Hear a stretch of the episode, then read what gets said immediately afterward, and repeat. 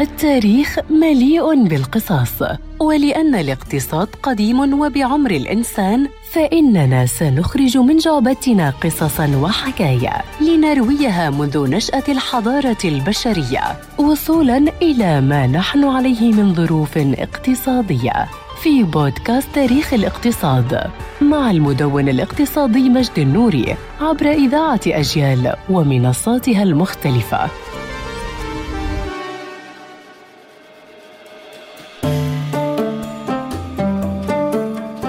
قبل أن تمسك بهاتفك الذكي لمعرفة الساعة وقبل أن تراها في ساعتك الذكية فقد استخدم الإنسان العديد من الأدوات البدائية للوصول إلى الساعة التي تراها اليوم. حيث بدأت بأقراص رباعية تشبه المنقلة وتعتمد بعملها على الشمس. ولكن الألماني بيتر هينلاين قام في القرن السادس عشر بتطوير أول ساعة محمولة بآلة زنبركية ثم ليأتي السويسريان جاكوب زيك وغرويت بابتكارهما وتطويرهما للساعة بإحكام شديد. ثم ليتم استخدام التروس المصنوعة من النحاس لتزيد دقة احتساب الوقت. الخطوة التالية في تاريخ الساعة تم اتخاذها في عام 1675 على يد الإنجليزي روبرت هوك والهولندي كريستيان هوغنز حيث طورا هيكل الساعة بشكل كبير ثم تم تطوير الساعة بدرجة كافية في عام 1762 بحيث أصبحت دقيقة بدرجة كافية للملاحة ثم وفي القرن التاسع عشر تم اختراع ساعة اليد التي كان ينظر إليها على أنها مجوهرات نسائية لتأتي الحرب العالمية الأولى التي كان لها تأثير عميق على تاريخ الساعة بعدما انتقلت كرمز للرجولة بعد ارتدائها من قبل الجنود. ولكن وفي سبعينيات القرن الماضي حدثت أزمة غيرت في صناعة الساعات للأبد حيث تم الابتعاد عن الساعات الميكانيكية لتأتي الصناعة اليابانية بقوة وعلى رأسها سيكو وسيتيزن وكاسيو ثم تم استخدام البطاريات بدلا من الحركة الميكانيكية وهو الاستخدام الذي منح شاشات رقمية ودقة عالية وكلفة أقل ويبلغ حجم سوق الساعات العالمية 71 مليار دولار أمريكي مع توقع أن يصل إلى 100 بنهاية